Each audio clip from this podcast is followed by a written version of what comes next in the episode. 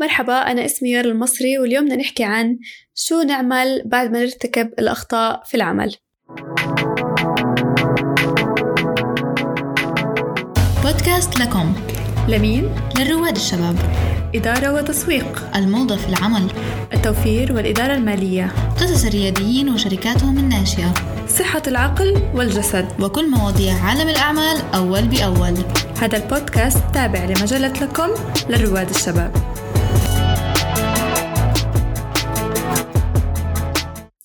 أول خطوة هي الاعتراف بالغلط والاعتراف بالغلط بيساعدك إنك تحسن صورتك قدام مديرك قدام زملائك قدام كل اللي حواليك بالعمل. يمكن الاعتراف بالغلط يكون صعب علينا بالأخص إنه مش متعودين إنه نعتذر. وثقافتنا بالعالم العربي ما بتسمح لنا إنه كتير نحس إنه إحنا غلطانين وإنه إحنا لازم نعتذر. بس الاعتذار فعليا بعطينا فرصة إنه نحسن من حالنا وإنه نطور من حالنا. أنا بالنسبة لإلي يمكن بحب أعترف بخطئي لحتى أحس بالثقة وأحس إنه أنا صح أخطأت بس أنا عارفة شو خطأي وهذا بحد ذاته إشي صحيح إنه الواحد يعمله. وبحد ذاته بحسك إنك أنت شاطر مع إنه أنت أخطأت بس معلش أنا معي الحق مع إني أخطأت. تاني خطوة هي الاعتذار. يمكن الاعتذار يعني يحسس بعض الموظفين أو بعضنا إنه يعني تحس شوي في الإهانة أو بالمضايقة إنه أنا عملت غلط ولازم أعتذر له. بس الاعتذار برضه آه، جزء من الاعتراف. والاعتذار هو ثقافة كتير حلوة.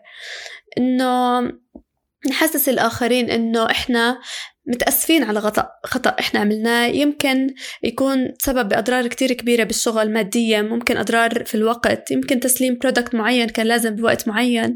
تنسيش، بدناش ننسى إنه إحنا ممكن يعني آه، خطأ صغير يخرب منظومة كاملة يخرب process كامل يكون ماشي فيه الشغل.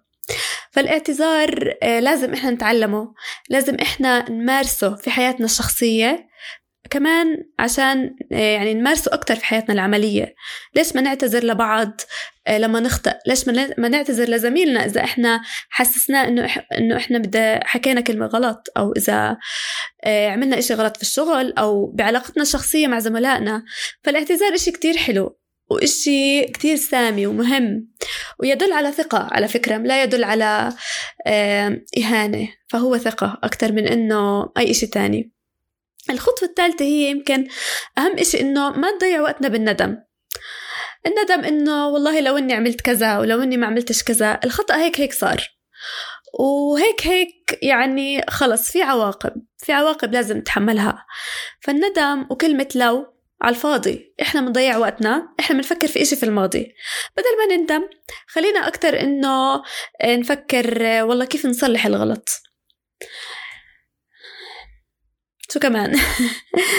آه، الندم كمان بخلينا نتراجع أكتر من نتقدم تصليح الغلط أو إصلاح الغلط بخلينا نتقدم بخلينا نصلح غلطنا ونمرق بإشي جديد. خلص أنا عملت هاي المشكلة أنا صلحتها ودخلت في مشروع جديد وحسنت وبرهنت حالي. فأنا خلص يعني الندم إشي وفات وراح كمان إشي ممكن نعمله هو إنه نتقبل العواقب والعقوبات. وهاي مهم يعني كتير كتير مهمة. وكتير كتير بتأثر فينا لأنها ممكن تكون مش بس معنوية كمان مادية.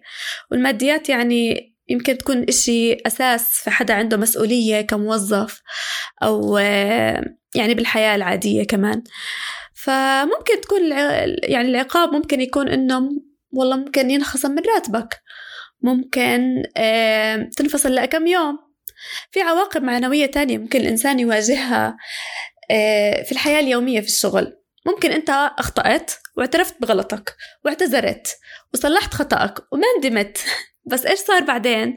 كل ما تعمل مشروع معين مديرك رح يحسسك إنك أنت رح تغلط في هذا المشروع لأنك غلطت يمكن غلط كبير مادي أو ما بعرف شو ممكن يكون.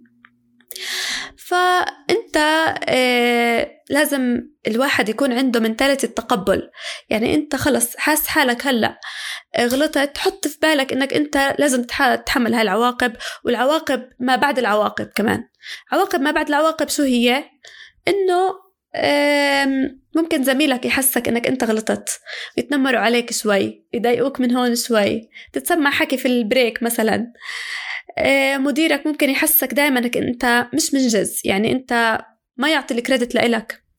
فلازم تتقبل هذا الإشي ولازم تبرهن حالك أكتر ويكون هذا دافعك لسه أحسن وأحسن لإلك. اعتبر اللي هو البنزين اللي بتحطه في السيارة. أنت السيارة. لازم تمشي لقدام. لازم آه، تتخطى العواقب والعقوبات. إذا آه، حدا تنمر عليك حدا ضايقك مديرك ما أعطاك ال credibility أعطى ال credibility لحدا تاني. حسك إنه لا أنت هاي المرة آه، حتى لو عملت إنجاز أنت أصلا أخطأت يعني من قبل وعملت إشي كبير أو رح تخطأ. معلش بي cool لازم تروق أعصابك لازم لازم تبرهن حالك أكتر لازم تكمل أو مش أنت بس أنا كمان ألور وكل حدا معانا كل حدا من الشباب والصبايا اللي بتابعونا وأنا كمان بتعلم معاكم على فكرة. لازم كلنا نتعلم إنه نتحمل نسيطر على مشاعرنا وما نغضب أبدا أبدا.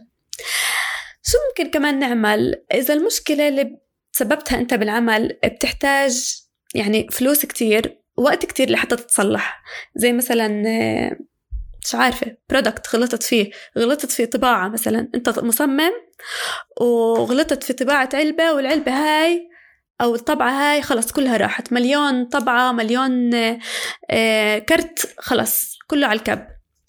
شو لازم تعمل؟ أول إشي لازم تحضر خطة عمل جديدة. تحط فيها كل طاقاتك وكل أفكارك وكل خبراتك اللي كانت معك آه، بالوظيفة اللي قبل وهلأ لازم تحط كل طاقتك تعمل خطة استراتيجية. تنادي على المدير تقول له يا أستاذ المدير يا زملائي نكون كلنا مع بعض في اجتماع تطلبهم باجتماع وتعرض أفكارك اللي آه اقترحتها لحتى تصلح المشكلة اللي أنت أخطأت فيها. طبعا هذا الإشي مش بس ببرهن إنك أنت قوي وأنت قدرت تتخطى الصعوبة كمان ببرهن للمدير إنك أنت بتقدر تتحمل المسؤولية. يعني أنا بخطئ أنا بعترف بالغلط أنا بعتذر أنا ما بندم أو إذا ندمت بتراجع عن ندمي بتقبل العقوبة وكمان بصلح الإشي اللي أخطأت فيه. أه، التصليح طبعا ممكن يكون ياخد معنا وقت كتير. بس معلش حتى لو اضطريت إنك تقعد في البيت عادي بعد الغداء بعد العشاء بدل ما تفتح إنستغرام امسك ورقة وقلم واكتب الاستراتيجيات اكتب الأشياء اللي أنت حس إنها ممكن تحسن هاي المشكلة اللي أنت ارتكبتها أو تسببت فيها. لأنه برضه بدنا نحط بعين الاعتبار إنه المدير صح بيقولنا أنتم غلطانين بس بالآخر هو رح يدفع ثمن هذا الموضوع. رح يدفع ثمنه ماديا.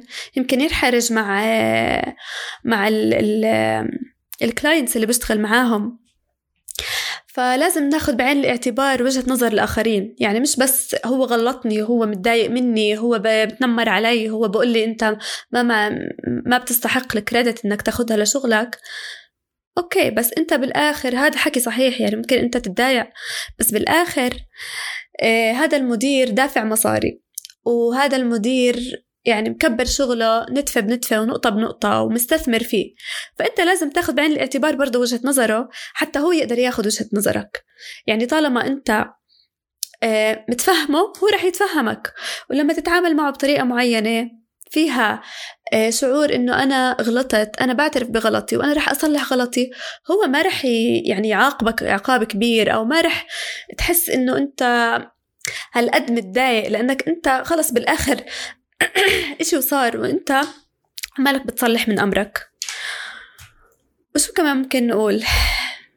آخر إشي يمكن مش آخر إشي هذا أخيرا وليس آخرا عشان نتجنب إنه يتكرر إنه يصير معانا هاي الأخطاء. لازم نعرف شو الأسباب. ممكن الأسباب تكون أشياء يومية إحنا بنعيشها. ممكن ضغوطات شخصية أثرت على العمل.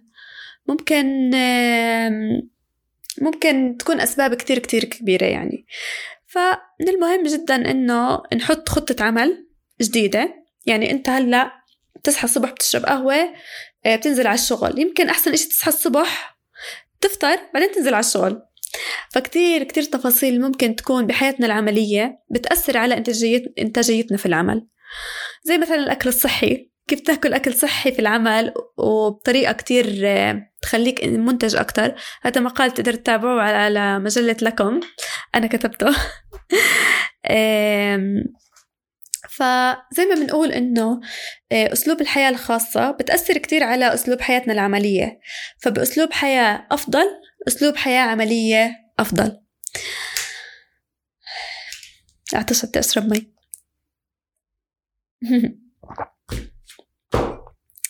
إحنا اليوم كشباب يمكن صعب علينا إنه آه، نغلط لأنه إحنا عايشين في عالم بيشبه ال perfection مع إنه فيش إشي الكمال لله وحده وما في إشي اسمه perfect بس ال social media يمكن حسستنا إحنا كجيل تسعينات وثمانينات و...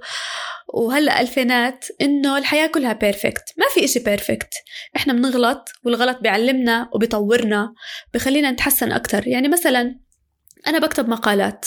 غلطت كتير يمكن كنت أغلط كتير لغويا. كنت أغلط كتير إني أتأخر في التسليم ممكن.